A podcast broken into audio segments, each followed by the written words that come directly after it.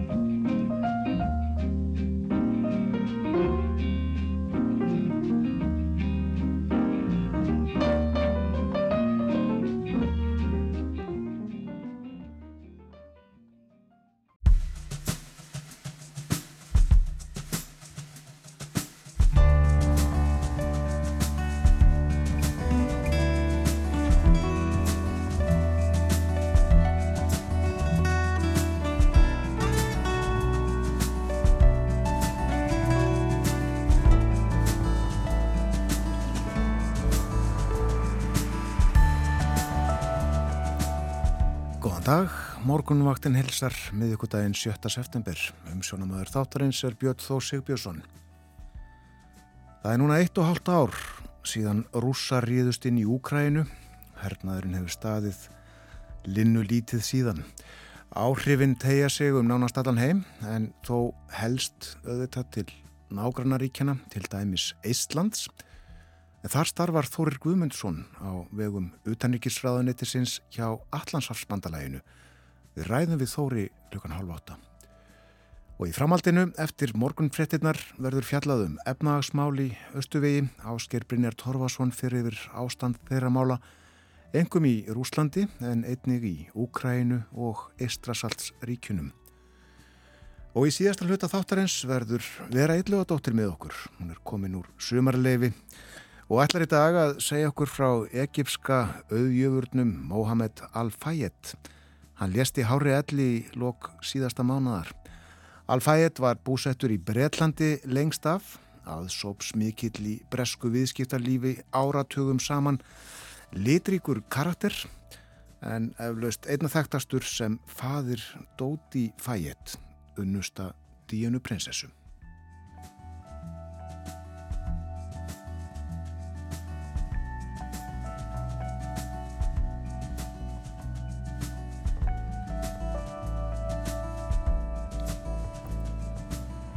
Um veðrið í dag segir veðufræðingur í hulöðingum suðlega átt viða 5-15 metrar nú í morgunsárið en það dregur smám saman úr vindi þegar líður á daginn.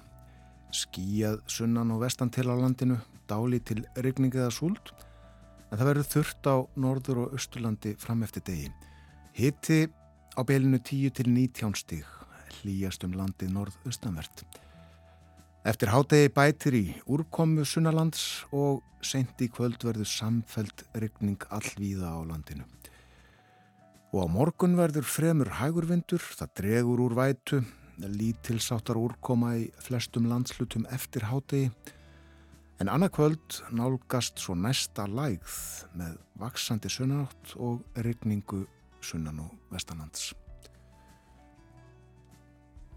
Veðustofan byrti í gær yfirleitt yfir tíðafarið í ágústmánuði og uh, segir í engangi ágúst var hlýrum megin hlutalandsins nema allra austast. Það var óvenju hægviðra samt og úrkoma undir meðalagi. Það var mjög þurft fram eftir mánuðunum sérstaklega á norður og austurlandi og á morgum stöðum fjall meiri hluti mánuðar úrkomunar á einum til tveimur sólarhingum sent í mánuðinum. Og um hitan í ágúst segir meðalhitt í Reykjavík var 12,2 stig en uh, það er 1,1 stíi yfir meðalagi áranna 1991 til 2020. Mánuðurinn var sá sjötti hlýjasti frá upphafi mælinga. Það er að segja sjötti hlýjasti ágústmánuður. Á Akureyri var meðalhitin 11,5 stig sem er 0,7 stigum yfir meðalagi 91 til 2020. Í stikkisólmi var meðalhitin 11,1 stig og 10,9 stig á höfni Hortnafyrði. Úrkoma var undir meðalagi í ágúst, það var mjög þurft fram eftir mánuðinum sérstaklega á norður og austurlandi. Á mörgum stöðum fjall eins og áður sæði meiri hluti mánuðar úrkomunar á einum til tveimur sólarhingum sent í mánuðinum og dagar þegar úrkoma mældist 1 mm eða meiri voru óvenju fáir víða þó svo að hildar úrkoma mánuðarins hafi oft verið minni. Og á Dalatanga voru slíkir dagar til að mynda einungis þrýr og hafi ekki verið færri áratug.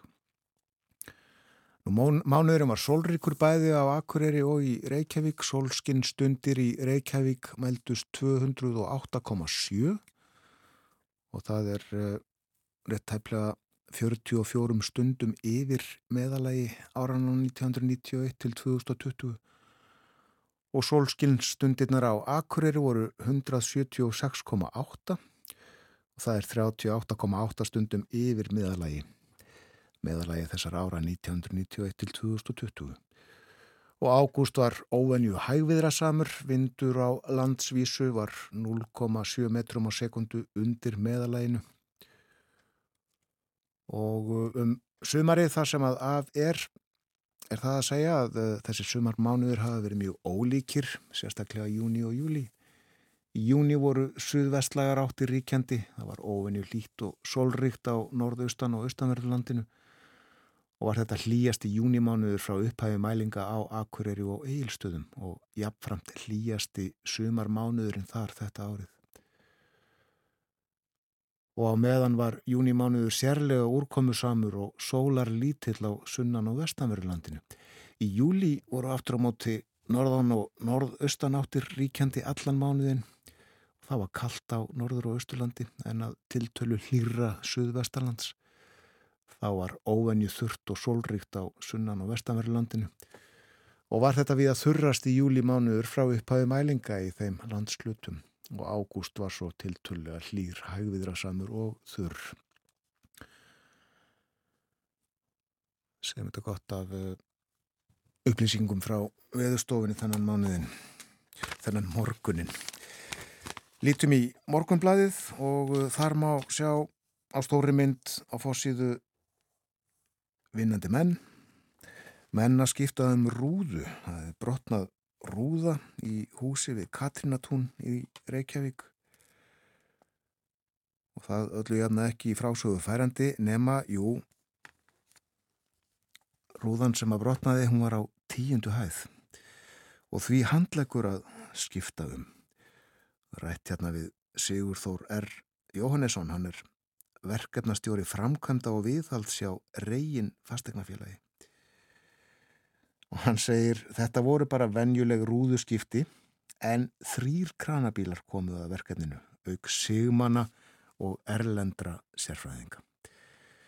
Já, það er uh, öðruvísi að skiptað um rúður á tíundu hæð heldur en á jarðhæð aldilis.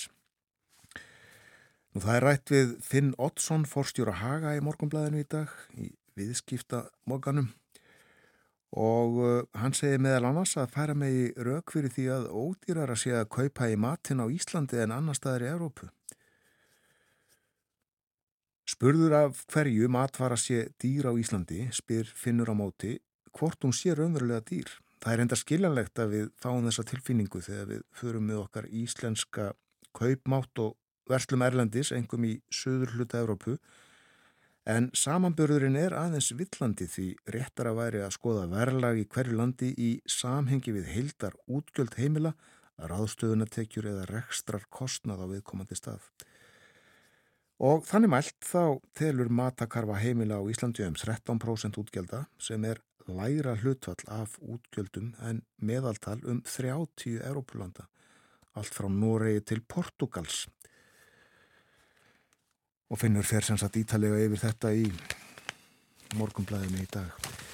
Ítt sem ég sá hérna aftalega í blæðinu 75 ára er þetta Einar Tórótsen, Háls, Nef og Yrnalæknir og það er rætt við hann hér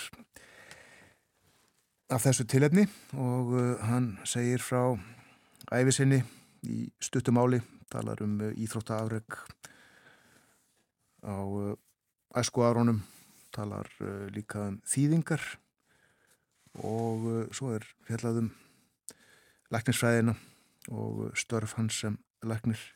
Svo litið um vín. En uh, svo þetta. Einar fekk dellu fyrir klassískri músík 12 óra þegar Anna Snorradóttir var með 5 minútur með Chopin í batnatímanum sínum.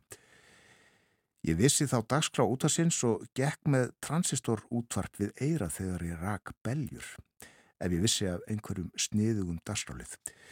Fór að spila á piano af fullum krafti og var fljótt hörgu lesari á nótur en kunni aldrei neitt utanað. Ég öfunda enn fólk sem kann á piano og getur spilað eftir eirinu. Árni Kristjánsson sem kendi mér á piano í tónlistaskólanum í Reykjavík sagði Ef þú kant að klappa beljum hefur þú góðan áslátt á piano.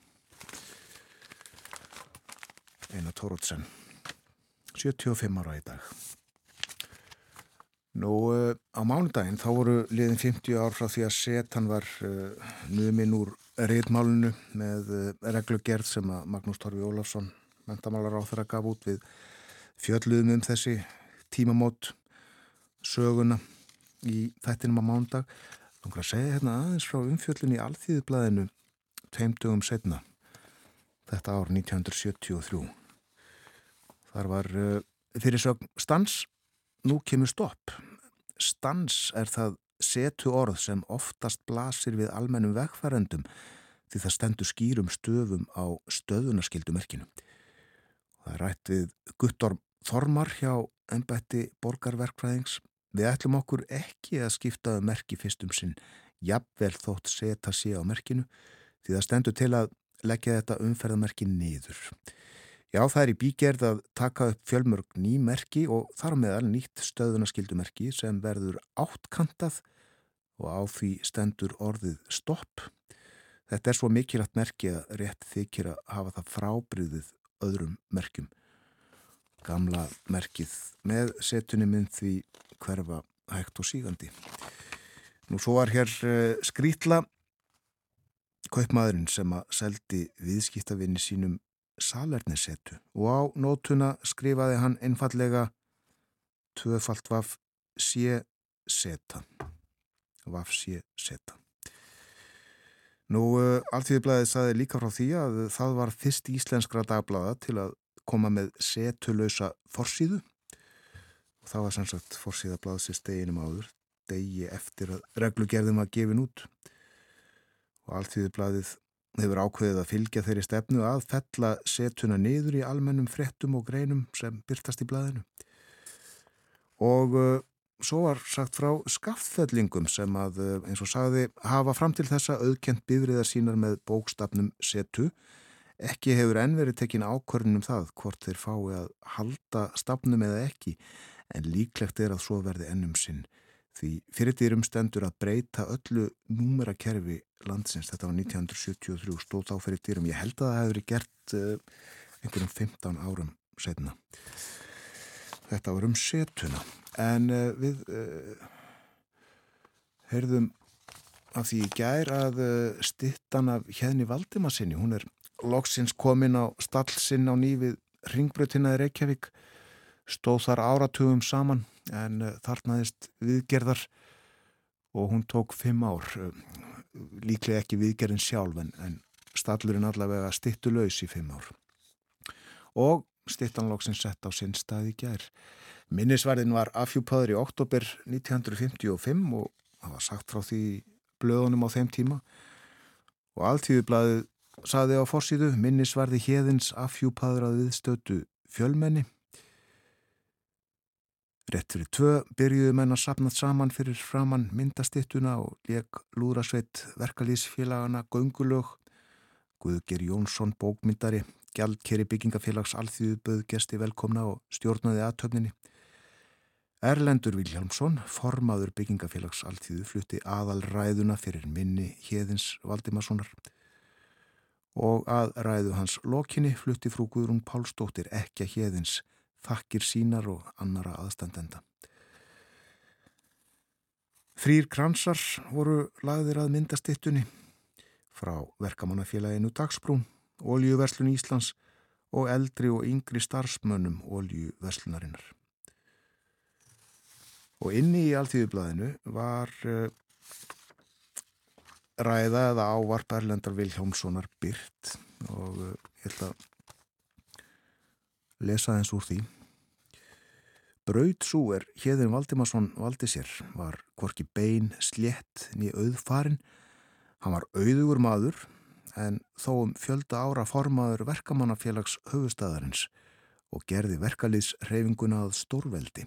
Hann var draumóra og hugssjónamaður sem ekki hafði tóm til að láta sig dreyma vegna framkvæmda og æfinlega voru mikil umsvið þar hann var.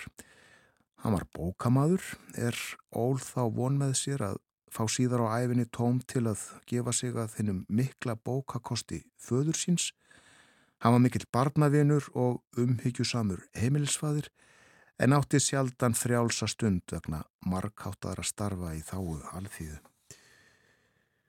Og uh, svo sagði í niðurlegi Það má tímanalust þakka hérni Valdimarsinni hver vel tókst til um fyrstu lagasetningu um opimbera aðstóðið, íbúðarhúsbyggingar og frankant hennar en þessi löggjöf hefur orðið viðtækari með hverju ári. Þess vegna stendur öll íslensk alþýða öll íslenska þjóðin í mikilli þakkarskuld við minningu hans. Hérðin var stórmerkilegu maður og uh, hafði mjög merkilega og sterkar stöðu í samfélaginu og um tíma í nokkur ár var hann samtímis alþingismadur, Frankvátastjóri Tópaksveslunar Íslands, Frankvátastjóri Óljúveslunar Íslands, formadur dagsbrúnar og hann átti sæti í bankaræðu landsbankans. Og hann var líka bæjarfulltrú í Reykjavík, satt svo í fjölmörgum nefndum og ráðum og stjórnum. Hérðin bar marga hattaðum hæfina. En við setjum nú lag á fónin Það er allur gangur á því hvernig tónlistin hér er valinn, stundum vöknum við með lag í höfðinu, stundum með lag eða text í lags í einhverju samhengi við umfjöldunarefni og stundum rekumst við á eitthvað í sögubókum sem að gefur okkur tilipni til að leika eitthvað tiltekki lag.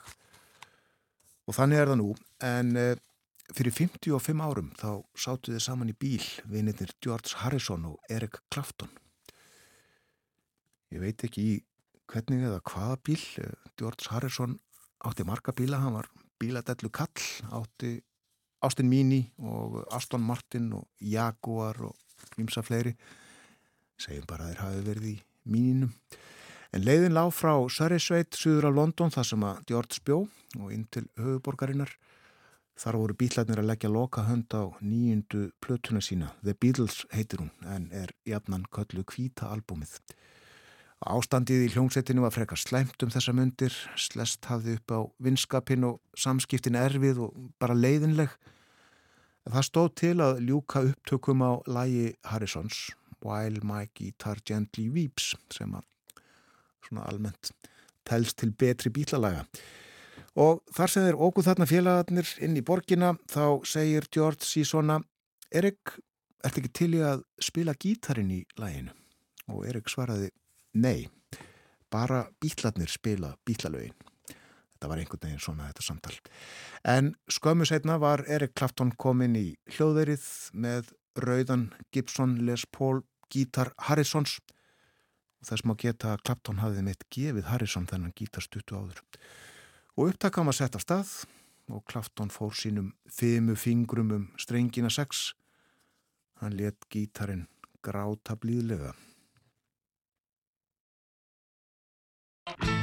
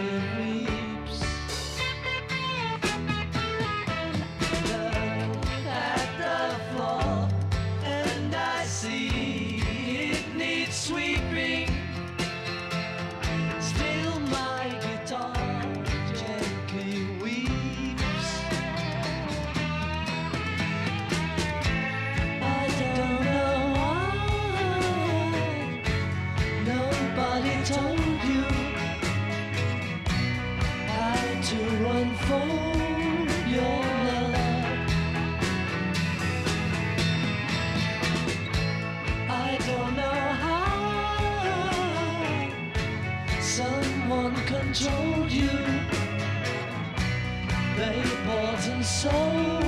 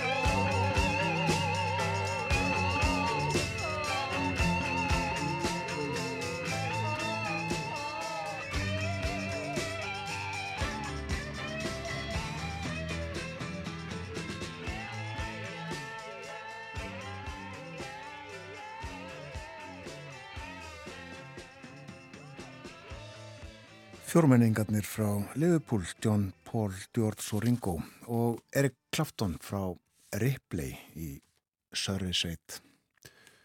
Það er Þorp, nokkuð fámenti held að það búið um 2000 manns í dag. Við fáum fréttaeflitt hér eftir þrjár mínútur rúmar. Ringin til Íslands eftir fréttaeflittið. Tölum við Þóri Guðmundsson sem að þar starfar hjá Allarsafsbandalæginu.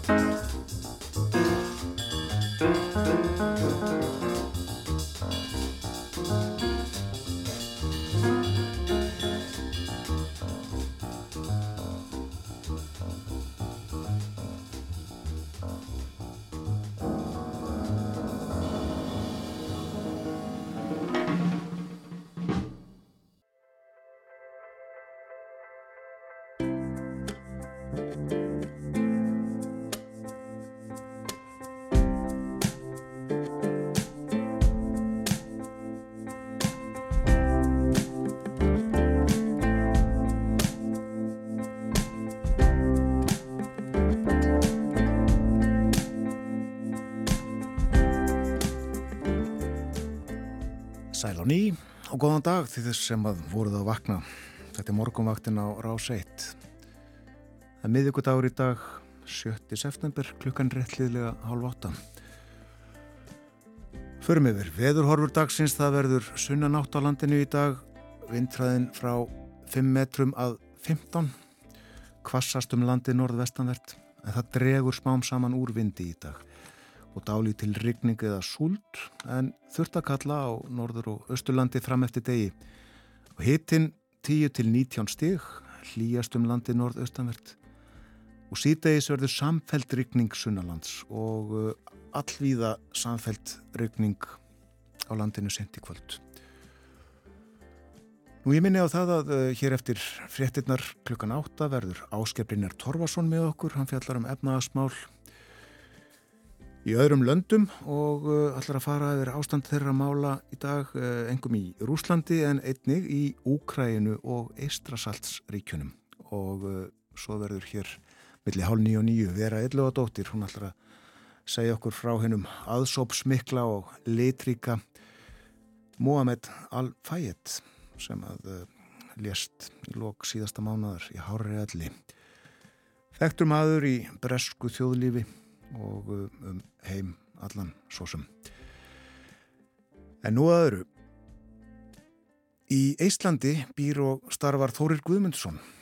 Hann er eins og það heitir útsendur starfsmaður utanríkisráðanetisins hjá Atlasars bandalæginu og hann hefur verið í Íslandi frá sumri 2022 og var áður hjá NATO í Litáin í fáina mánuði og það er áður á fjölmiðlunum hér á Íslandi og Rauðakrossinum eins og við þekkjum. Góðan dag Þórir. Já, góðan daginn Björn. Já, við ætlum að spjalla vítt og breyttum lífið í Íslandi, starfsemi NATO og áhrifinu auðvitað hernaði rúsa í Úkrænu. Ísland var auðvitað undir Sovjetríkjunum á sínum tíma og Ísland og Rúsland eiga sameiglegum það byrj held ég 300 km lang landamæri. Hefur innrásinn haft mikil áhrif í landinu? Já, hún hefur haft gífulega mikil áhrif í, í Íslandi. Þeir auðvitað uh, minna mann gætnan á að, að innrásin hófst sko 2014 uh, þegar að svo kallir litlu græni mennir fóru inn uh, í, hérna, í Úkræn og lögð undir sig austurhluta landsins og, og, og, og síðan með, með, með svona þessari stórfældu innrás 24. februar 2022 að það var rauninni framhald á uh, þessari fyrir innrás og, og, og Ísland hefur uh, í rauninni verið að, að, að výbúast allatið síðan. Menn eru uh, og, og þykjast vissir um, um ætlan rúsa að hún sé ekki engöngu að að hérna pakka Úkrænu heldur ásælist er Eistarsalsríkin líka svona þegar að og ef að, að tæki þær í gerst þannig að, þannig að uh, Eistar hafi verið að búa sig undir, und, undir það mjög, mjög aktíft og er að setja gíðurlega fjármunni til dæmis í, í uh, var, varnarmál. Uh, fjárlegin fyrir næsta ára eru 2,8% af, af hérna, þjóðartekjum sem, sem er leggja til til, til varnarmála uh, og menn, ég finn líka bara þegar ég tala við fólk hérna að, að, að þetta er eitthvað sem menn hafa hugan við, það eru þetta margir sem, að, sem muna mjög vel eftir sovjettímanum uh, fólk á mínum aldri það átti kannski foreldra sem að voru sendir til Sýberju uh, á, á sín, sín tíma þannig að þetta er mjög nálægt og, og, vera rúsa hér síðustu uh, nokkur hundruð árin uh, hún, hún minnir uh, eista á, á það hvernig hlutinu voru þeir voru ekki sjálfstæðir. Og þeir óttast raunverulega einráðsrúsa í Ísland? Þetta er bara nokkuð sem að menn uh, ræða uh, gætnan og þá er menn að velta fyrir sér sko hvað hérna það muni taka langan tíma fyrir rúsa að, að, að sko výbúast næjanlega aftur þegar að Úkrænustríðið er, er, er yfirstafn og, og þá erum við að tala um það og til dæmis yfirmæður Hersins, hann kemur fram í fjölmiðlum og, og, og spáir því að það tækir svona átján mánuði til tvö ár fyrir, fyrir rúsa að viðbúast á ný og eistar hafið þann tíma til þess að, að ella sínar varnir til þess að, að, að auðvita að sko fæla rúsa frá því að koma hér inn. Þetta byggist alltaf því að hafa nógu sterkar varnir til þess að nágrannanum í austri þetta ekki hug að, renna hýruaugar til, til Íslands. Og 2,8% af ríkisútgjöldum til uh, varnar eða hernaðamála, þetta er hátt hlutvall? Þetta er meir en 2,8% af ríkisútgjöldum, þetta er 2,8% af þjóðartekjum. Af þjóðartekjum, er, þetta, þetta, þetta er gífurleg upphæð og sko Ísland eru þetta, þeir líta sig sem norrent uh, velferðaríki og þegar að Ég er búin að búa hérna hvað í eitt og, eitt og halvt ár rúmt og, og hérna hér er velferðað þjónusta sem við, við þekkjum bara á Íslandi. Uh, Helbreyðiskerfið er, er mjög gott, samgöngur alveg gífilega góður, annars líkt, en, en, en, en þetta er bara svo mikilvægt að, að þeir setja uh, mikið afl og, og við peningar sem verður að nota öðruvísi. Uh, en þeir setja það í varnarmál vegna þess að þetta er raunverulegt og sem þeim uh, finnst þeim stafa frá, frá rúsum. Er sömu sögu að segja af hinnum eistrasaltsríkunum, Lettlandi og Litáin?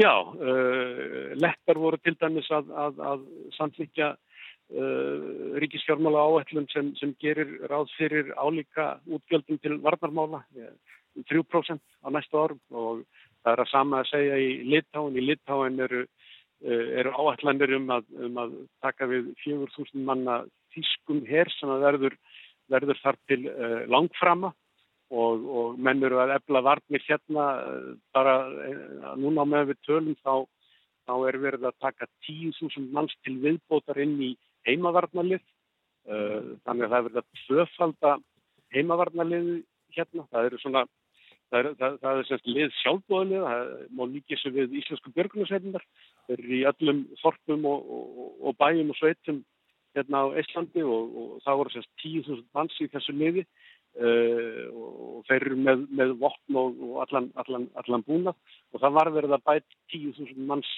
við og núna næstu vikurnar er verið að þjálfa þá. Það búa uh, nokkuð margir úsærir það ekki í Íslandi? Sko, það, það er hérna um fjórðungur þjóðarinnar er rúsnesku mælandi uh, og eru þá flestir afkomendur uh, rúsa eða annara sovjetþjóða fyrirverandi sem, sem að komi hingað á sovjettímanum. Uh, þetta er sko, þetta er ekki endilega, þú veist, menn horfa og finnst þetta kannski stundum verið eins og einhver herdil, en það er alls ekki þannig. Það, flestir þessara, þessara rúsnesku mælandi eista þeir eru eistar og jafnvel jafnmiklu þjóðverdi sem og, og, og hverjir aðrir. Uh, ég heyri tölvört rúsnesku í kringum mig, uh, menniti sem ég er að starfa með hérna, þeir, þeir eru sumir af hérna, rúsnesku mættum jáfnvel innan, innan hersins og, og þannig, þannig að þó að fjörðungu þjóðarinnar sé að rúsnesku bergibrótin þá, þá, þá, þá er litið á þá sem sem, sem eista en auðvitað ber samt að taka fram að, að sko rússar í sínum áróðri að, að þeir eru mjög mikið að reyna að, að beina sínum áróðri uh, að, þessu fólki sem tala rúsnesku og býr í Esland. Já, og þekkju þetta auðvitað frá Úkrænu líka? Já, sjálfsögðu og þar, þar náttúrulega uh, segja með það sama, ekki, hérna, ekki líta okkur sem rúsa þó við tölum rúsnesku, það er bara alls ekki það sama. Þóri, segð okkur svolítið uh, af umfangi NATO, Attarslandsbandalagsins í Íslandi? Við, sko, staðurinn þar sem, þar sem ég er að starfa, þetta er stjórnstöðar fyrir um það byrjum þúsund manna herlið sem er uh, annars vegar frá Breitlandi og hins vegar frá Fraklandi.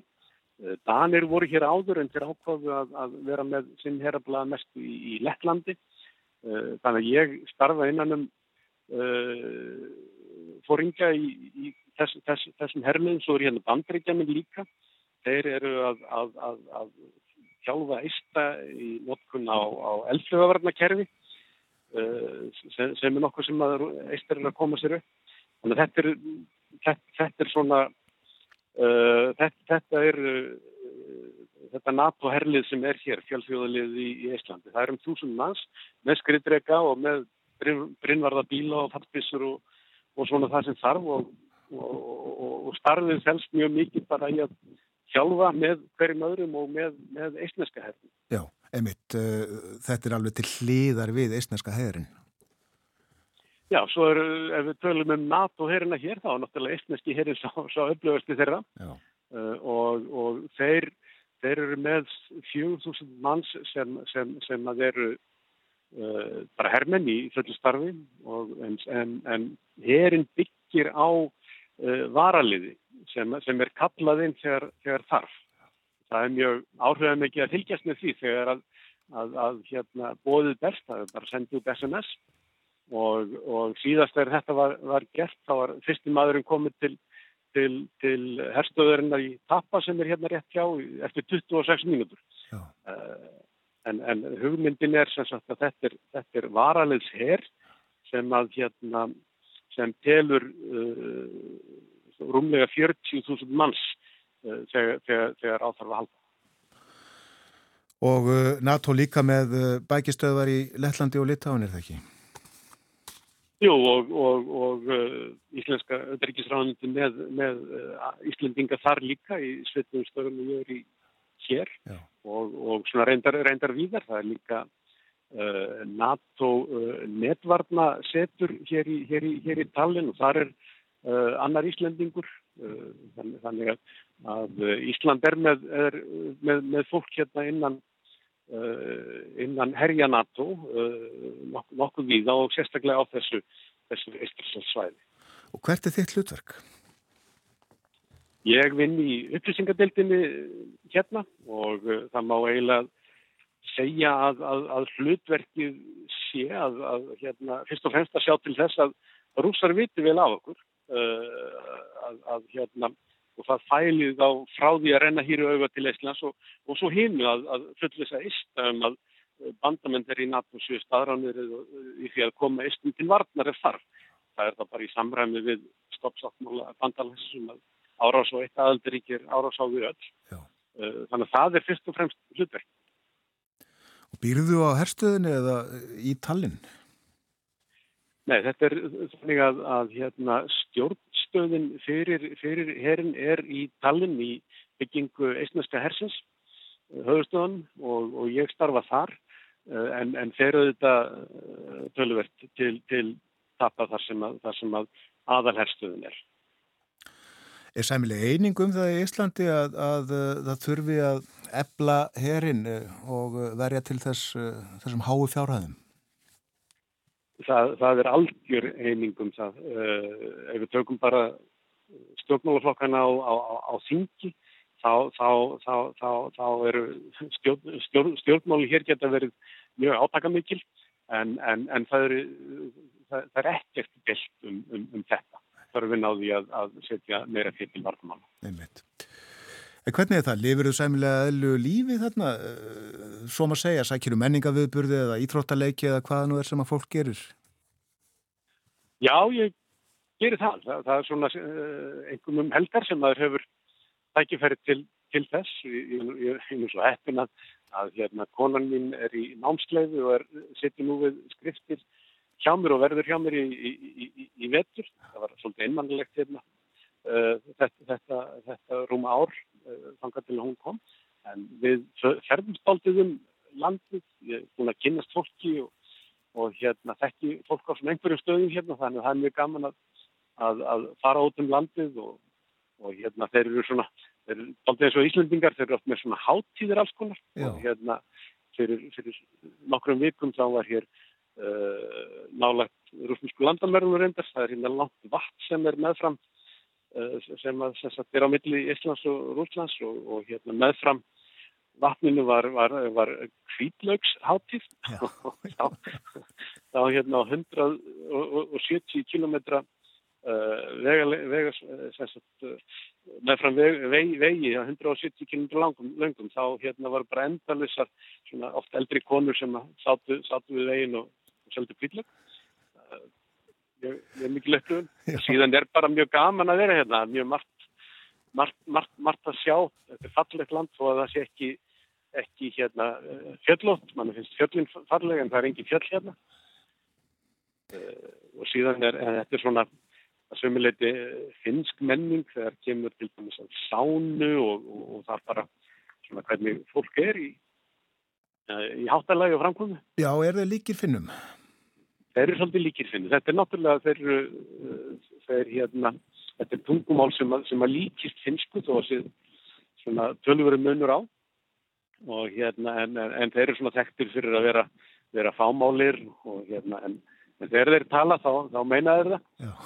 Og, og það, að hérna, ég kann ágjörlega við það okkur hætti til eða, eða ja, mér allavega, best að maður tali bara fyrir sjálfan sig að, að uh, líta á uh, þessar þjóðir þrjár í Eistrasaltsríkjónum hérna, Ísland, Lettland og Litáin sem ja, eigilega eitt og það er nú kannski sagan auðvitað sem að gera það að verkum en þetta er, eru ólíkar þjóðir.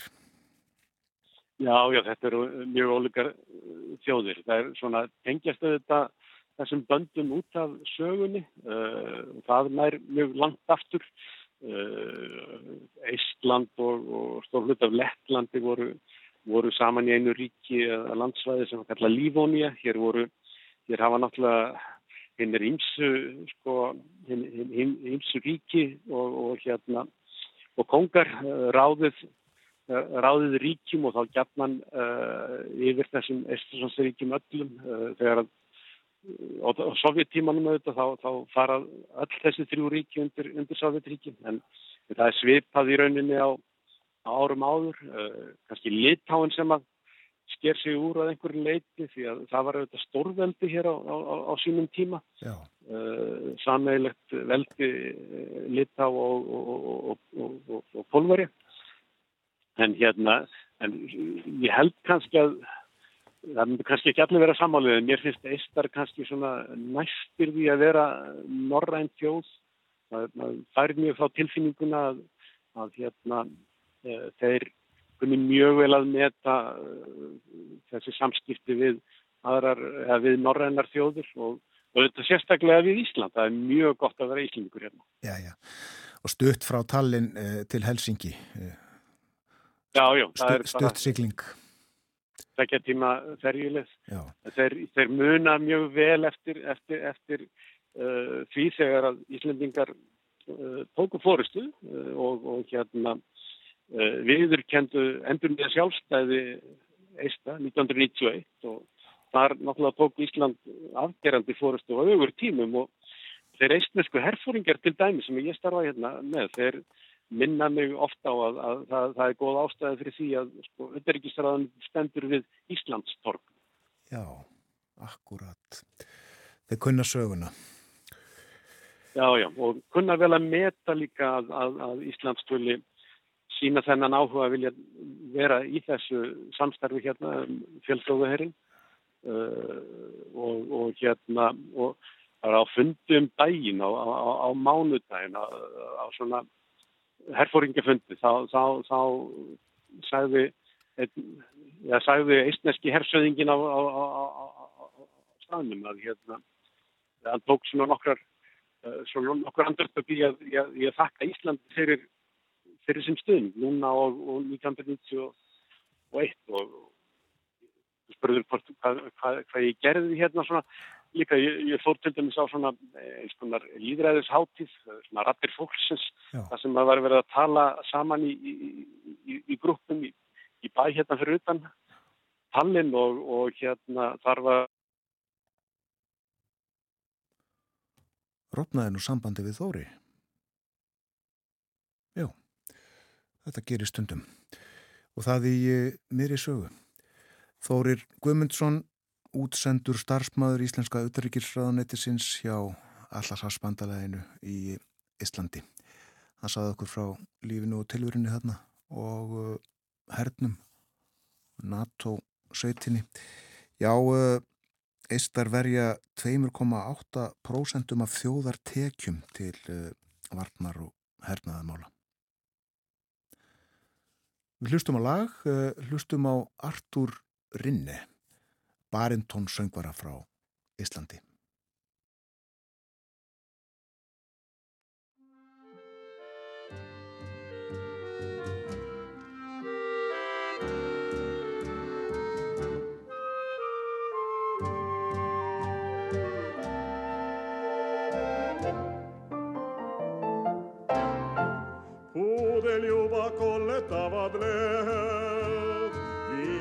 Vihmadest on märjad pargitööd. alle pilvi ripub lahel, rannas üksnes tuul vaid käikedel. laine vastu muuli peksab vahtu, mühisedes taganeb siis taas millestki, kui oleks kahju. sügislehti keerleb liivalmas, kas on sul meeles veel, koos käidud suveteed, kui õitses ristik hein ja päike saatis meid. kas on sul meeles veel, kui valgel suvel meid paitas mahetuul, õnn oli uus ja suur. nüüd tormab merevoog, vaid mühab mulle vastu, kuid läbi vihmaho näen sinu naeratust. kas on sul meeles veel koos käidud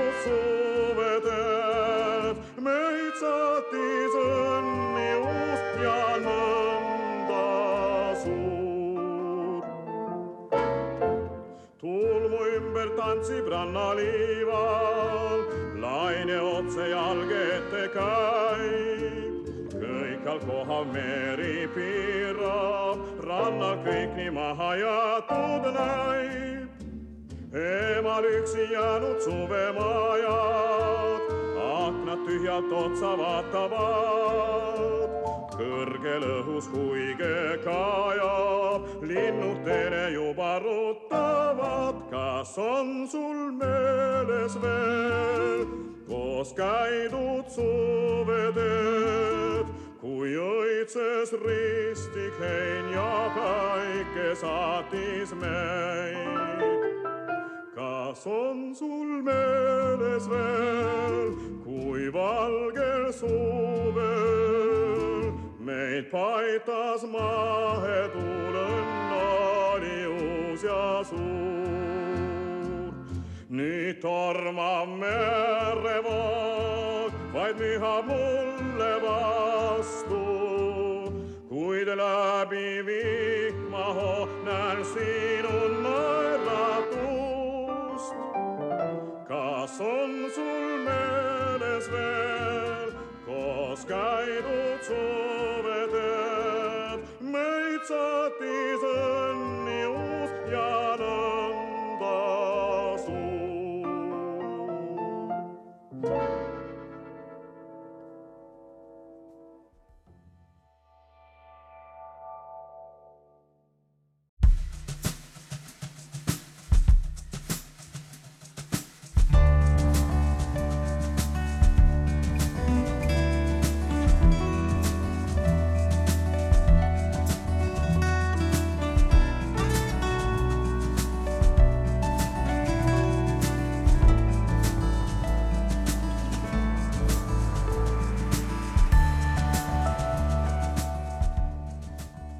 Heil og sæl, þetta er morgunvaktin á Rásitt, klukkan 5 minútur gengin í nýju. Það er miðugudagur í dag, 7. september. Hér fyrir fréttir var Þórir Guðmundsson á símalinni. Talaði frá Tallinn þar sem hann býr og starfar.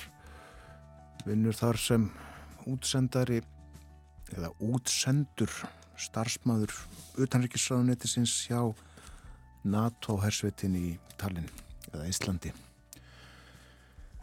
Og við spjöllum vitt og breytt um uh, hernaðamál og uh, líka um lífið og tilveruna í þessu fína landi. Svo slittnaði sambandið, gerist stundum.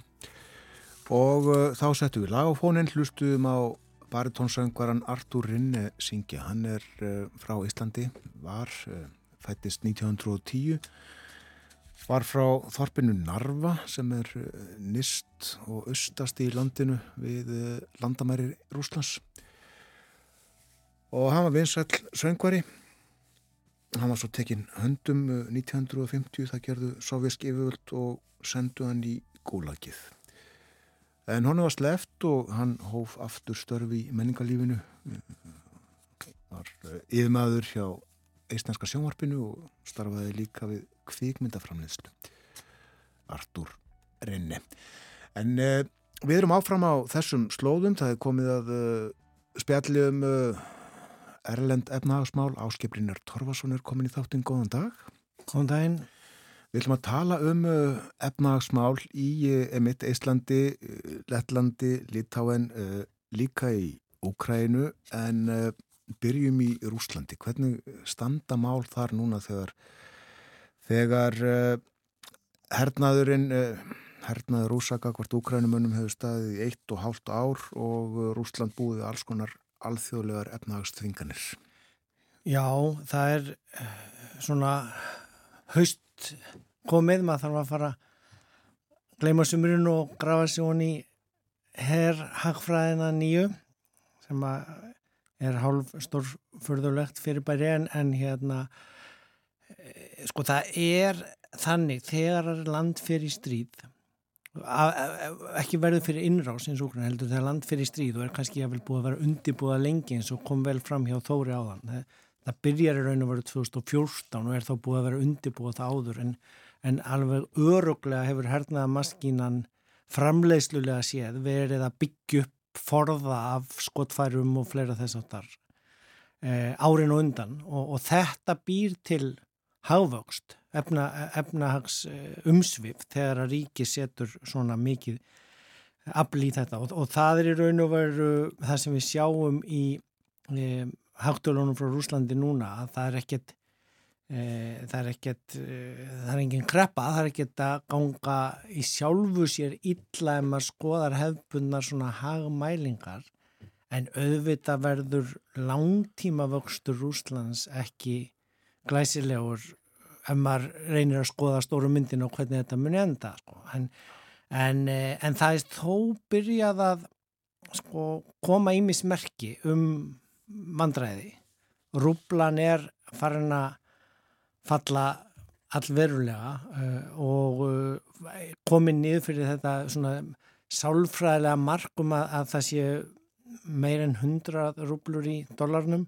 Þannig að dollarin er farin að kosta þá núna yfir 100 rúblur. Það var sko þetta er 30% gengisfall á þessu ári. Já, eftir að stríði byrjaði og þeir voru búin að ná sér styrk þá var, var, var þetta um 50 rúblur sem þurfti. Þannig að þa þarna verður allur innflutningur dýrari og, og, og það ætti að koma út í, í, í verri eh, hátorum en hins vegar að því að hluti af þessu hernaðarhagkerfi er að byggist á því að verða maður vil nú helst ekki nota fallega orðið sjálfbærni eða meiri, sjálf, meiri sjálfsþurstar hagkerfis búskap að, að vera minna háður innflutningi að þá á þetta ekki að skipta svona eins miklu máli eins og fyrir lítið lópin hagkerfi eins og okkar það sem að meira og minna allt er flutt inn.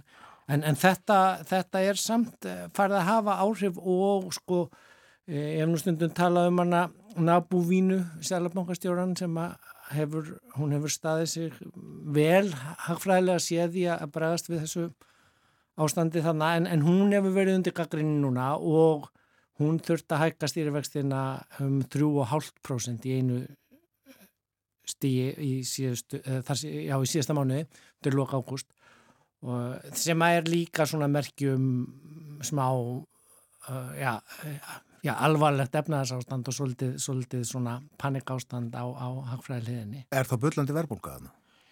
Já, sko, það, það er svolítið erfitt að vita nákvæmlega. Það, það, þetta var nú meira gert bara til að bregðast við gengisfallinu en, og síðan hvernig það gengur er ekki alveg komið í ljós en, en veist, og svo getur maður ekki alveg treyst hátulónu sem komaðan en þetta er allavega svona uh, þetta, er, þetta er svona sko merkin sem maður getur reynd að lesa út úr hvernig, hvernig er að ganga uh, og sko áhrifin af stríðinu eru náttúrulega þannig að veist, stríðsútgjöldin hjá, hjá þeim Putin er að eða 67% af landsframleyslunni í hernaðarútgjöld.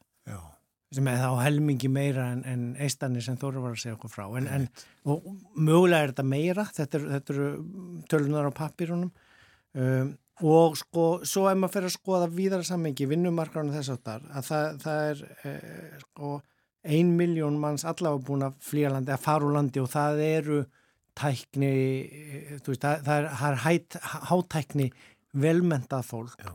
Uh, og svo núna þegar hann er farin að þurfa að fá fleiri hermenn þá er búið að hækka aldurinn held ég upp í 30 ár.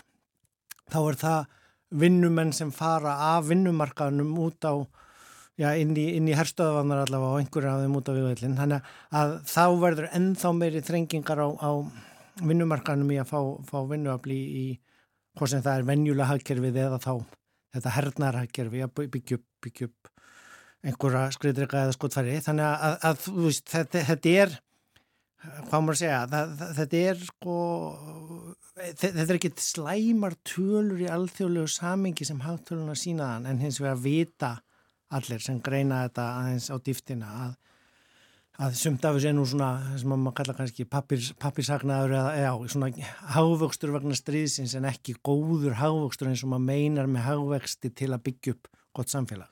Rúsar höfðu það uh, nokkuð háa tekjur það ekki að því að selja olju og gas til annar ríkja og það hefur stöðvað þau viðskipti. Og, og, og, og þeir grættu vel á síðast árið minn, þess vegna eru tölurnar ágætlega að koma út hjá þeim og þó að Evrópu hafi tekist á, á sko eiginlega leifið mér að segja alveg útrúlegan hátt ef maður skoðar efnaðslega og, og framkvæmlega sé að raun og veru gera sig ekki lengur háð gasinu frá Rúslandi. Þú veist ég að ennþá ég sá að orku umhverfisráþarann í Belgiu var að kalla eftir að þið þurftu að gera ennþá meira ég, ég gera sem ennþá minna háð en, en það tókst allavega að, að byggja upp eins og við höfum farið yfir hér gas hafnir til að taka inn gas annar stað, um, leiðslan náttúrulega, Gazprom leiðslan fór í sundur í Eistarsaltinu, þannig að það, það er eh, hins vegar ennþá óljutekjurnar þeirra uh, sem að skapa þeim tekjur þó við getum ekki selt gasi lengur. Og, og jafnvel þó að viðskipta þvingarninnar sem settu hámarksverð á óljuna sem þeir gáttu selt uh, og þannig í raun og veru var flæðinu stýrt þannig að ólja frá Rúslandi var ekki selt til Evrópu að þá fóru þeir í að selja það náttúrulega bara til Kína og sérstaklega Indlands. Indland hefur eiginlega hagnast einna mest af því að taka við eða kaupa ódýra olju frá Rúslandi.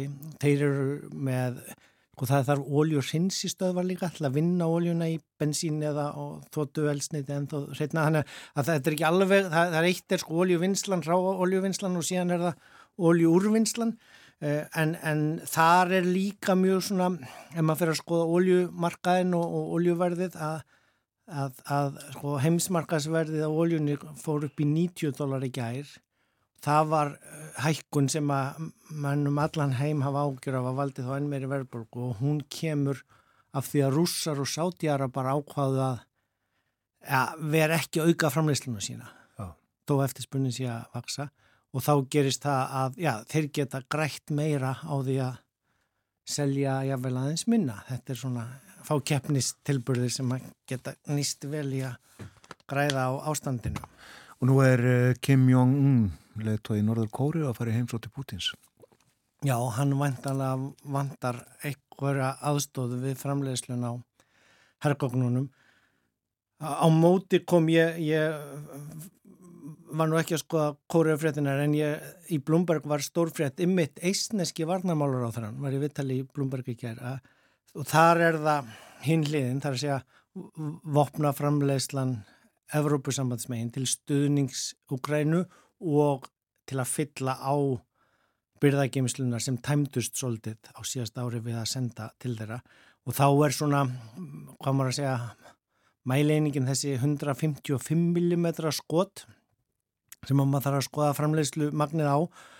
Og Evrópusambandi tvöfaldaði það í fyrra með jáfnvel ofinbjörnustunningi og er að reyna að ná 600.000 skotfærum á þessu ári og ætla að ná þeim upp í miljón á næsta ári. En þarna skoðar maður út frá svona viðskiptafræðinni séð byrðastöðu, hvað hefur gengið mikið á byrðirnar, hvað er mikið að flæða út til Ukrænu, hvað vilja mann halda eftir eins og kom fint fram hjá Þórið áhan líka, eistanni vilja náttúrulega hafa nóg af skotfærum í sínu vopnabúri til að vera tilbúinir, þannig að þetta er að, að sko, já,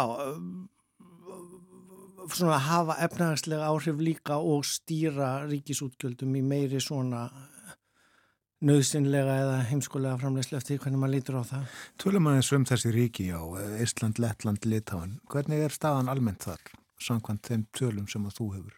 Sko þau, þau eru ekki í vandað lengur. Það var svolítið erfitt hvað verbulgan uh, fór mikið upp þar eftir, já þegar verbulganum allan heim fór upp í fyrra þau eru náttúrulega öll með efruðna, tók hann upp ekki alveg á sömu tímum en svona 2008 11, 13 þannig að sko að, að það og, og, og, og einmitt maður þarf að passa sá að setja þau ekki saman í einn hóp en þau eru samt svona ekkert rosalega stór þannig að, að, að það er svona auðveldara stundum en, en ég, ég var nú hjá alþjóðlegum fjár, fjárfestingasjóði fyrir nú já, 15 árum en, en þá er með tilherði Ísland eila sko mínu Norrlandasvæði með Finnlandi meðan að Lettland eh, var þannig á einhverjum mörgum og það var ekki komin inn en starfsemi svo sem í Litáin en það tilheriði þá eh, miðaverupuskrifstofun í Varsjá. Þannig að sko ég, ég tek mikið undir sem að Þóri var að lýsa. Ísland er rosalega líkt Finnland á margan hátt og maður getur séða líka út frá háttölunum að öll löndin eiginlega þessi þrjú tóku svolítið upp svona norrænt velferðamódel eh, í að byggja upp mentun byggja upp heilbriðiskerfi uh, svo er það mismunandi þessi rússa bakgrunnur eins og hann þóri kom líka fram á. Ég, meina, ég held að sé fjórðungur lettana sem er af rúsnesku bergibrótin en einmitt maður þarf að búa alltaf skilja í raun og veru býtu, já þeir eru kannski tala rúsnesku en eru kannski eh, miklu meira lettar heldur en rúsar, alveg eins og maður getur síðan í Finnlandi það sem að 5-10% eru tala sænsku og einhverjir forfeður kannski voru svíjar sem fluttan þannig að þetta er ekki eins einfalt með landa uppskiptinguna en, en, en sko já, svo ég tek ekki aftur eistana, það er til dæmis mjög flott hvernig þeir tóku upp skattkerfi sem er bara mjög einfalt sami skattur í raun og skattprósentan á laun og vakstatekjur og þannig að, að, að þeir, þeir eru ranga að koma mjög hátt í OECD tölum og Evrópussambandstölum sem, já, bara svona mm, mestu hagvakstar svæðin undanfarin ár og, og já, með, með harðfylgin alltaf byggts upp og í Evrokrísunni kom mjög harkalega niður á þeim. Þá þurfti að fara í það sem heitir innri e, gengisfelling að þeir voru konum Evrumna, þeir þurftu bara að lækka laun ríkistarsmanna beint í Evrutölum, að þeir gáttu ekki fælt gengið sem er í raunveru leginn til að lækka laun og beint þannig að þetta er svona hérna og síðan náttúrulega með þessum miklu útgjöldum setur ákveðin þrýsting á ríkisjóðuna en það líka býr til þá vissan, vissan hávöxt þegar mann eru í þessu, þessu herrhagkerfis ástandi. Já, en ágættis horfur svona í það heila í Íslandi, Lettlandi og Litáni. Já, sko verðbólgan á, á efru svæðun í heild er að koma niður, verðbólgu vendingarnar er komin í 3,5% Eh, það er endar aðeins talað um hvort að Sælabankin Evróski muni hækka vextina núna í næstu viku 14. að því að þryggjára verðbólguvendingarnar eru komnar upp í uh, úr 2,2% upp í 2,5% sko. þannig að þá þurfum við að, að því að markmiðið er 2 en þetta eru svona á allt önnu skala en við erum að tala um hér allavega með okkar háu Tölum það aðeins um Úkrænu Já við verðum að gera það. Þá andvarparu bara. Ha. þá andvarparu já, nei, það, það er náttúrulega bara hræðilegt eh, efnagsástand þar. Það eru uh, sko reyndar samkvæmt alþjóðabankanum núna búist við að sett fram það getur orðið hálsprósent hafugustur í ár. Þú veist það er til að hafa það yfir nullinu reknaði með svona uh, í fyrra var 30% samdráttur á landsfæðmesslunni sem er bara já, verra en nánast nokkur kreppa sem er. En það sem er sko í viðbót þeir voru 44 miljónir held ég þess að þið byrjaði. Þeir eru undir 40 miljónur núna 10% farin úr landi. Þetta er bara svona eins og á, á dögum hér vesturfarana eða, eða hérna Eh, móðuharðunda eða eitthvað þess að það er bara stór hluti landsmanna fer úr landi, það hefur náttúrulega gífurlega efnaðis áhrif og það sem var ennþá verra, sko, það eru 7 miljónir viðbótar úkrænumanna sem búa við fátækt núna. Þetta er náttúrulega fólki sem býr þarna í þessum stríðsjáður héruðum eh, er bara berjast fyrir lífi sín og berjast fyrir eiga, fyrir mat og, og, og, og komast í vatn, sko, þannig að, að þetta er svona þeir fóru 15 ár aftur á bakk í fátæktartölum bara núna síðan styrðið byrjaði. Þannig að, að það, já, efnahagslega lítur það ekki vel út. Uh, Alþjóðabankin talar um að þetta eru 11 miljardar bandarækjadali viðbútastöning bara til að komast nöðsynjum inn viðum og þess að það eru nú þegar búin að fá 37 miljardar Veist, og síðan er Evrópusambandi með mjög stóra svona stórt prógram í undirbúningi fyrir eh, efnarslega uppbyggingu það er verið að, já, miða við að þetta stríð klárist og verið að setja upp efnars og fjárhagslegt svona prógram undirbúa það því, því að það verður að vera tilbúið þegar stríðið er búið að, að endur reysa hagkerfið og búa það til. Og fyrir hverju er gert ráð þar?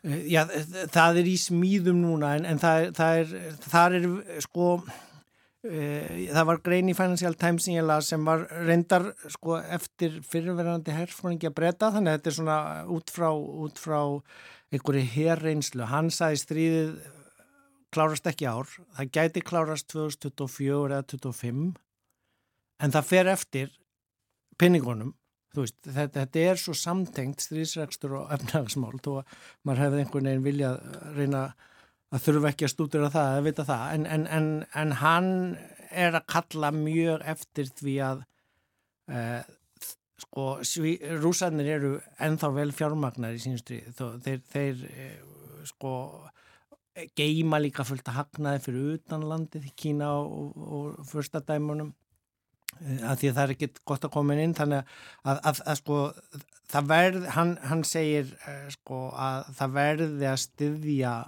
Ógrænu efnaðarslega og hernaðarlega til þess að þeir geti uh, já, varist og uh, hrundið innrásinu út til þess að sé að fara síðan í þessa endur uppbyggingu og, og það er svolítið sama og, og viðtalið við eistneska varnamálaráþurinn í Blomberg með að, að það yrði að núna allt Evrópussambandið að ebla herrgagnar framlýstina til að stiðja á til að, til að, að stöðva þetta því að sko e, að það er svona samhljómurinn í þessum Bloomberg Financial Times meðlum sem ég les. Ef að rúsanir komast upp með að fá að vinna þetta stið, ef að kemur ekki nægur stöðningu til Úkrænu að þá sé hægt á að, að það gefi jáfnvel kynverjum svona vonir um að það sé hægt að gera eitthvað skonar uh, hernaðar uh, uh, ástand í, í þeirra nágrannu löndum eða, eða það sem þeir telja að vera sínar anneksíur. Þannig að, að, sko, þetta er mjög svona að hafa stór alþjóðleg áhrif á efnahegin í, í heiminu. Það er verið að tala um svona margpóla efnahagskerfi núna og þetta var til dæmis rætt í, í Kansas í Jackson Hole selabankarástöfnu sem við höfum ekki tíma til að tala um að, að heimurinn er að, sko, að verða miklu flóknari út af vöruflæði vanda, fjármálakerfisvanda og óvæntum atbyrðum vegna svona uh, já, viðskipta afleðinga af stríðs uh, áhrifum og uppbyggingum. Tölum við mitt um uh, ráðstöfni Sælabankafólksins í, í Kansas uh, næstu og kemur til mín. Endilega. Þakka þið fyrir í dag. Takk fyrir í dag. Áskei Brynjar Torfarsson um uh, efnaðarsmáli heiminum við uh, fjöldluðum um Rúsland, Úkrænu, Lettland, Litáen og Ísland. Frettaði litir eftir smá stund og eftir það verður vera illa og dóttir með okkur á morgumaktinni.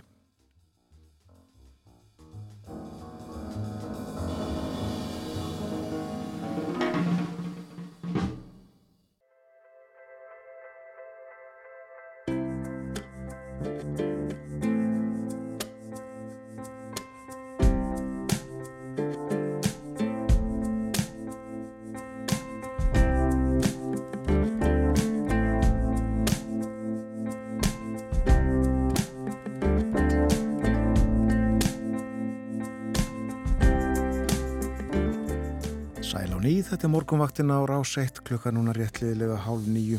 Það er miðugudagur 7. september. Og hér næstu mínútur verður uh, fjallaðum mann sem að setti aldeilis svip á uh, lífið í Lundunum árum og áratugum saman. Vera Yllugadóttir er komið til okkar allra. Segja okkur frá þessum manni. Góðan dag, vera velkomin til okkar í dag. Góðan daginn. Já, uh, maður var nefndur Mohamed Al-Fayed.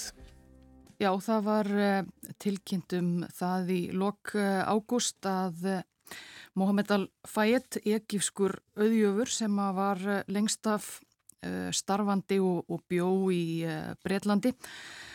Hann hefði látist núna 30. ágúst í Hári Elli, hann var orðin 94 ára gamall og það er svo sem ekki mikið synd uh, viðskiptaveldi sínu sjálfur uh, síðustu árin, kannski lítið, lítið uh, farið fyrir honum undan farin áratug eða, eða svo. En einhverju sem kannski horfðu á þættina The Crown kannast við það að hann var þar persóna í, í fymtu serju held ég að það eh, hafi verið og fjallað um eh, lífslaup hans en hann var auðvitað þekktastur fyrir það kannski á, á síðar árum að svonur hans, eh, elsti svonur hans Dóti var unnusti díunu prinsessu á, á já, síðustu æfi árum hennar og, og lést með henni í bílslýsinu í París. Akkurat.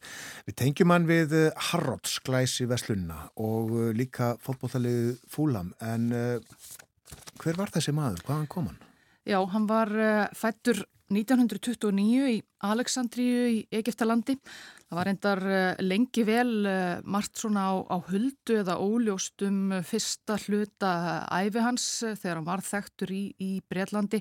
Það var lengi haldið fram allavega á hans, hans ofinböru vefsíðu og, og fleira. Hann væri fættur 1933, væri sem sé fjórum árum yngre en hann var í raun og veru en síðan komst Eh, breska viðskiptamálaráðunetið að, að hinnu sanna einhver, þegar að farið var að rannsaka bakgrunn hans að hann var í raun og veru sem sé fættur 1929.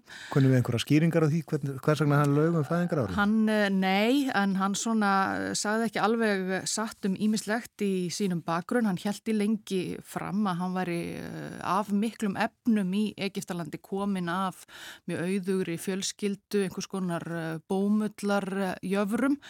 Það reyndist heldur ekki satt þegar betur var að gáð og þegar að emittu viðskiptamálurunni Breitlands hafi samband við helstu bómullar uh, jöfra Egiptalands og er fjölskyldur þá kunnuðist þeir ekki við hennan Mohamed uh, Al-Fayed. En hann var sem sé raun og veru alls ekki af neinum efnum heldur var hann elsti sonur grunnskólakennara í Aleksandriju og átti tvo bræður og þeir byrjuðu bræðurnir ungir í ímiskonar braski seldu meðal annars uh, kók og, góstrykki og annað smálegt á, á götum Aleksandriju, þetta er mitt fjallaðum þannig í, í krán þáttunum, svona uppaf hans, hér önverulega uppaf fór að selja saumavélar og, og, og, og fleira og vann sig smátt og smátt upp. Og á þrítugsaldri þá var hann komin í kynni við kaupsíslumann frá Sáti Arabíu vann fyrir uh, fyrirtæki hans sem að uh, sendi, seldi Egifsk húsgögn í Sáti Arabíu, flutti til Sáti Arabíu. Þetta var maðuranafni Adnan Khashoggi sem átti síðar meir eftir að verða mold ríkur sjálfur einn af auðustumönnum veraldar líklega og allræmdur ekki síst fyrir mjög umdelt vopnaviðskipti hingað og, og, og þangað. Já. En Mohamed Fayed það tókst sem sé mjög eh, vel á með þeim og Mohamed eh, giftist á endanum sýstur Adnans, Samiru Khashoggi sem að eh, var móðir Dóti Fayed þau voru gift á orðunum 54 til 59 en þegar þau skildu þá fekk fadurinn Mohamed Al-Fayed fullt forræði yfir drengnum og hafði hann síðan með sér á sínu viðskipta tengda flakki um, um heiminn en drengurinn var vist alin upp svona mestmæknis af, af þjónustu fólki og meðan uh, Mohamed syndi sinni kaupsíslu. Já, hann þurfti auðvitað að græða og varð vell auðugur. Já, hann uh, byrjaði á því að Hann held áfram með þennan svona uh, import-export bransa og flutti til Lunduna um miðjan sjönda áratugin og þá var hann komin í kynni við marga valdamikla menn. Hann stundaði meðal annars einhver viðskipti í Hæti fyrir einræðisennan þar, Papa Doc og síðan komst hann í kynni við þáverandi aðsta ráðamann í fyrstadæminu Dubai, Sheikh Rashid og tók þátt í þeirri gríðarlegu uh, uppbyggingu sem þá var um það bila hefjast í fyrstadæminu. Átti milligöngu um það með fyrirtæki sínu að bresk verktakafyrirtæki komið til starfa í Dubai að reysa þar skíakljúfa og annað sem verið var að hefjast handa við þarna um miðjan sjönda áratug og, og auðgæðist verulega á þessu og var séðan líka uh, milliliður fyrir annan mjög uh, vell auðugan valdamann uh, Ómar Ali soldáninn í Brúnei, olju auðugu smáríki á Borneo og síðan arftaka hans og svon Hassanal Soldán sem var líka með, eh, með allra auðugustu mönnum heims og allræmdur glömgósi og eðsluseggur sem var eh, mjög fjárfestinga gladur og, og kefti mikið á hótelum í, í Evrópu og alls konar eh, business og nautan aðstóðar Mohameds Fayeds í, í, í svona ymsum fjárfestingum sínum í Lundunum þó það fær ekki endilega uh, alltaf uh, hátt. Al-Fayed, það vaðist ekki fyrir honum að viðskipti við vafasama menn? Nei, svo sannlega ekki.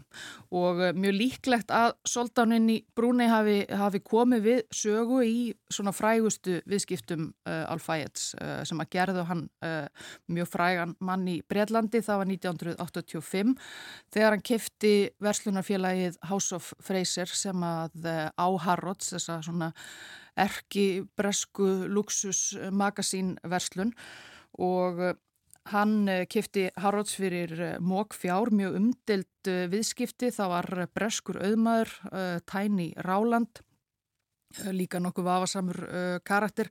Hann hafði um árabil Girnst, Hástóf, Freyser og, og, og Harrods og reynda, reyndað ná ráðandi hlut í fyrirtækinu en Mohamed Al-Fayed var síðan ofan á og Róland þessi fór með málið í blöðin og fyrir domstóla og sagaði Al-Fayed og, Brunei Soldán sem hann grunaði að heldi um pingjuna um alls konar svik og, og pretti og það var í tengslum við þessa, þessa miklu deilu sem að það fóra komast upp að, að sagan sem Al-Fayed hafi, hafi sagt breytum af sjálfum sér að hann væri komin af þessum bómullar í öfrum og svo framvegis og svo framvegis og hún var í raun og veru ekki, ekki sönn. Nei. En uh, breska pressan, guðla pressan, hún uh, hefur nú alltaf verið spennt fyrir svona karakterum, sérstökum karakterum. Jú, svo sannarlega og, og uh, eh, Alfætt var mjög litrikur karakter, var mjög yfirlýsingaglaður og, og kvensamur og, og hafði, hafði unun af, af lífsins listisendum og ymsan hátt og mikið fjallaðum um hann og hann var líka sömulegið svona oft, já, oft bitur og, og, og reyður uh, í garð, já, breyta og ímessa uh, abla í bresku þjóðlifi. Hann sótti um breskan ríkisborgararétt 1994 en fekk sinnjun á það og það þótt honum mjög leðilegt. Hann var mjög sári yfir því búin að búa þá uh, um árabil í Breitlandi, borga óhemju mikla skatta af, af, af auði sínum og svo framvegis og svo, og svo framvegis og held því uh, reglulega fram að þetta veri uh, sökum rasisma og, og svona nýlendu hyggju sem að honum væri haldið utan við svona efsta lag bresks samfélags þar sem að honum fannst að hann ætti heima. En hann bjó áfram í borginni? Hann bjó áfram í, í, í borginni og, og auðvitað blandaðan, blandaðan geði við uh, ríkt og, og, og fínt fólki í Breitlandi en fannst honum svona verið, vera haldið utan við eh, svona það allra, allra fínasta já. og kannski nokkuð til í því að hann var svona kannski, uh, já, gustaði mikið um hann og ekki alveg, ekki alveg svona þessi uh, kurteysi breski yfirstéttar maður svona hans, hans ímynd. Kunni ekki alla siðina kannski. Nei og eftir að hann fekk þessa neitun þá, þá hemdan sín á á uh, breskri stjórnsýslu með því, að, með því að ljóstra upp um það að hann hefði uh, gefið tveimur þingmönnum íhaldsflokksins ímsar uh, gjafir í skiptum fyrir það að þeir báru upp erindi á hans vegum á breska þinginu og sumulegðis hafði, hafði þriði þingmaðurinn sem að jáfnframt var ráð þeirra fengið að gista frítt á luxushotelli sem Al-Fayed átti í París, á, á Ritz í, París. Og þetta varð eh, mikill skandallu þetta þegar, þegar uppkomst en hann held í og hann var ekkert eh, skammaði sín ekkert fyrir það hann hafði, hann hafði þarna í raun og veru múta, mútað uh, þingmönnum. Nei, já hann átti Ritz í París uh, þetta fína hótel, hann var uh, andlit Harrodsveslunarinnar sem er þarna rétt við eh, við eh, einhvern gardana í London. Hyde Park líklega. Hann átti ímislegt, uh, hann kefti gamlan kastala í Skotlandi og, og, og gerði upp. Hann kefti, já, Ritz í París og ymsar hallir þar. Og Harrods margt fleira, hann kifti fókbaltaliðið Fulham uh, 1997, það uh, var þá ekki á sérlega góðri siglingu uh, held ég að mig fullir það en, en í hans eigu þá svona lifnaði það við og, og, og gekk talsvert betur og ymsar, uh, já, ymsar eignir og ímis uh, umsvið sem hann var í en, en jú þekktastur, uh, þekktastur sem handlið Harrods og var með skrifstofu sína í byggingu Harrods og svo, og svo framvegs. En, eh, Mann eftir því þegar hann átti fúlham þá uh, let hann gera stittu af Michael Jackson sem hann setti upp við heimavöld fúlham. Já, það, það hefur verið svona, það var svona nokkuð umdelt uh, sem leiðis, en ímislegt sem að hann svona tók upp á sem að já, vakti, vakti aðtegli og ímsir breski fjölmiðlamenn og svona einhver, einhver fræðarmenn sem hafa komið fram í, fram í fjölmiðlum núna dagana eftir að, eftir að hann uh, lést og, og sagt litrikar, litrikar sögur af, af kinnum sínum uh, við þennan mann. Já, Já það er hættbark, svo það sé nú sagt. En þessi bitur sem að hann, uh, hann uh, bara brjósti sér í garð uh, Breitlands, hún varð svo sannarlega ekki minn, minni þegar að elsti sonur hans Dóti lést í bílslýsinu með díunu prinsessu 1997 og árin þar á eftir þá fór Alfæett mikinn í fjölmiðlum, hann sakaði konungsfjölskylduna bresku, hann sakaði bresku leinithjónustuna og, stjórnkerfið í raun allt um að hafa látið drepa díenu og dóti hann sögn til þess að koma í vekk fyrir þá neysu að, díana myndi giftast muslima og bera honum barn og þessar kenningar þá, eh, þær rakan lengi hann í bæði fjölmiðlum og í, og, og í dómskerfinu og urðu svona uh, kannski því sam, meiri samsæriskenningar eftir því sem að, sem að áleið eða fjárstæðu kendari held í fram að, að Filipus prins eh, stjórnaði Breitlandi öllu á bakvið tjöldin og ímislegt svona. En og þetta, þetta átti hugans allan í mörg ár en uh, síðan 2008 þegar að niðurstöður breskra réttarrannsóknar uh, kungjörðu að sli, um slís hefði vissulega verið að ræða sögum ógætilegs uh, Aksturs Ökumans uh, díunum þá uh, koma nú fram og sætti sig við þá niðurstöðu. Já, já. Hann uh, seldi bæði fótbolltaliðið og Haraldsveslununa fyrir þó nokkru held ég.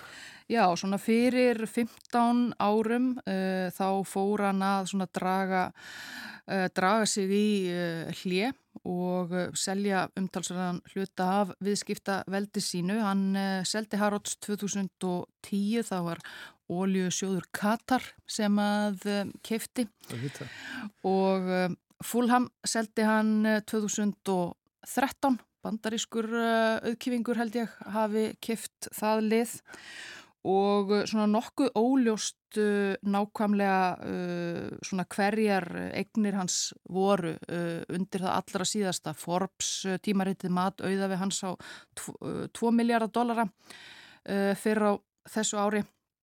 En verðist vera svona sem að, sem að margt sé margt sé eh, í ýmsum eh, flækjum og, og félögum og, og, og dóltið, dóltið erfitt að henda reyður á því nákvæmlega, nákvæmlega hvað eh, erfingar hans fá í sinn hlut. En hann átti síðan, hann, hann, hann giftist aftur eftir að hann skildi við móður Dóti, giftist finskri konu uh, talsveit yngri og átti, henni, átti með henni fjögur önnur börn, þau eru í dag á aldrinum 35 til 42 ára. Og svona breska gödupressan hefur haldið því fram ekki síst kannski deil í meila að nú sé að bresta á með, með mikillir deilu um auðafi uh, alfæjats sáluga milli þessara barna veg uh, og hafa líkt því við svona succession þættina sem að, sem að hlustendur kannast eflaust uh, við. Þau eru vist ekki alveg, uh, alveg sammála uh, um allt uh, sískininn. Það er mál fyrir domstólum í Breitlandi. Það er uh, Það er eh, yngsti sonurinn Ómar sem að, sem að eh, sakar eiginmann sýstur sinnar Kamilu um að hafa ráðist á sig og krefst hára skadabóta fyrir, fyrir eh, þá líkams árás. Að móti kemur að sýstirinn og, og, og maður hennar saka Ómar um eiturlifja neistlu og almenna óreglum. Þetta, hefur, já, þetta er einhver staðar í uh, bresku dómskerfi og um, alls óljóst hvað verður um auðæfin og, og hvernig sískinni fjögur ætla að, eh, ætla að skipta þeim á millisín. Má, má kannski nefna það rétt í lokin að, að Mohamed Al-Fayed hann talaði yfirlega um það hvernig hann vildi sömulegis uh, láta búa um líksitt að sér látnum let uh, einhverju sinni hafa það eftir sér að uh, hann myndi láta reysa gler píramíta á þaki Harrods þar sem hann ætlaði sér að, að kvíla, ég vil láta smyrja líksitt svo að það, svo að það væri þar þaðan sjáanlegt. En þetta fór ekki þannig, hann auðvitað á ekki átt ekki Harrods uh, lengur þannig kannski erfitt að byggja glerpyramidan en hann var, hann var lagður til hinstu kvílu í uh, graf uh, kvelvingu fjölskyldunar á landaregn hans í Sörrei og er þar við hlið dóti í sonarsins. Við vonum að hinn börnin sættist. Þetta var um Mohamed Al-Fayed. Verað úr kominu sumaleifi og verður með nýja þátt af í ljósi sögunar og fyrst, það er ekki satt. Jú, uh, þættirnir hefjast uh, aftur núna á uh, sínum tíma á förstudags morgnum. Það fjalla um Chile fyrsta þættinum. Það verða í næstu viku 50 ár frá Valdaráninu þar 1973. Við sperrum eirun. Takkaði fyrir að vera hér hjá okkur á morgumvaktinni í dag.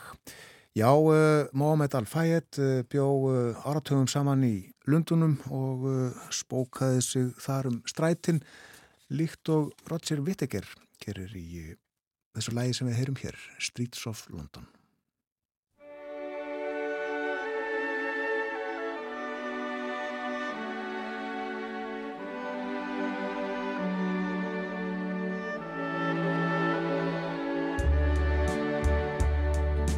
Have you seen the old man in the closed down market kicking up the papers with his worn out shoes? In his eyes you see no pride, hand held loosely by his side. Yesterday's paper telling yesterday's news. So how can you tell me you're lonely and say for you that the sun doesn't shine? Oh, let me take you by the hand and lead you through the streets of London. I'll show you something make you change your mind. Have you seen the old girl who walks the streets of London? Dirt in her hair and her clothes in rags. She's no time for talking, she keeps right on walking, carrying her home into carrier bags.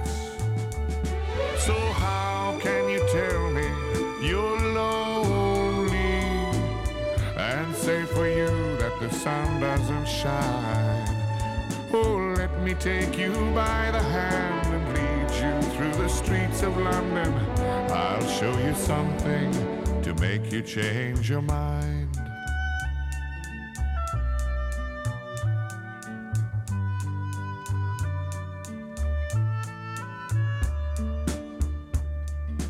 In the all-night cafe at a quarter past eleven Same old man sitting there on his own Looking at the world over the rim of his teacup.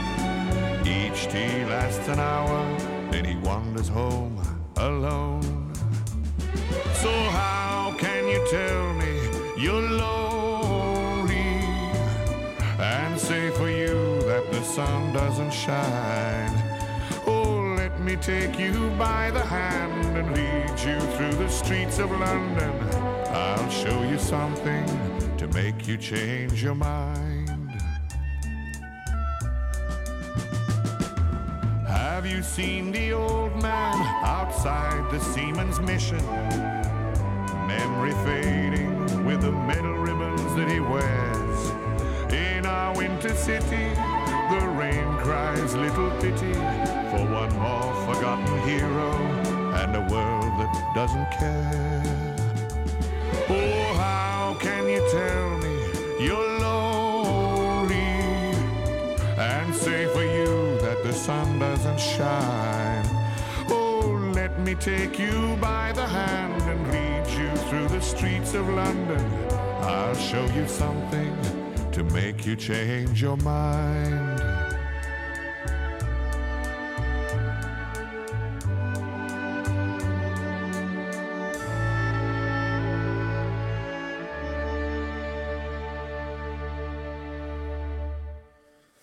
Þetta var Rátsjö Vittaker. Ekki amalegt að spóka sig um stræti Lunduna í dag heiðskýrt og hittin í 31 stig held ég þegar best lætur. 10 til 19 steg að hitti hins vegar á Íslandi í dag, hlýjast um landið norð-austanvert og uh, það maður búast við regningu, já eða súld víða, uh, þó ekki á norður og austurlandi verður þurft þar í dag. En uh, klukkuna vantar 6 minútur í nýju og komið að loka morgunvaktarinnar í dag. Uh, Vera Eilóðadóttir var með okkur hér síðast en uh, fyrir morgun áskiprinnar Torfarsson við töluðum um efnahagsmál í Rúslandi og Úkrænu og í Íslandi, Lettlandi og Litáin. Og fyrir morgun Emmett Þórir Guðmundsson, starfsmáður hjá Allarsfarsbandalæginu í höfustöðum þess í Tallinn í Íslandi. Hann sáð okkur frá hermálum og uh, lífinu og tilvörun í Íslandi.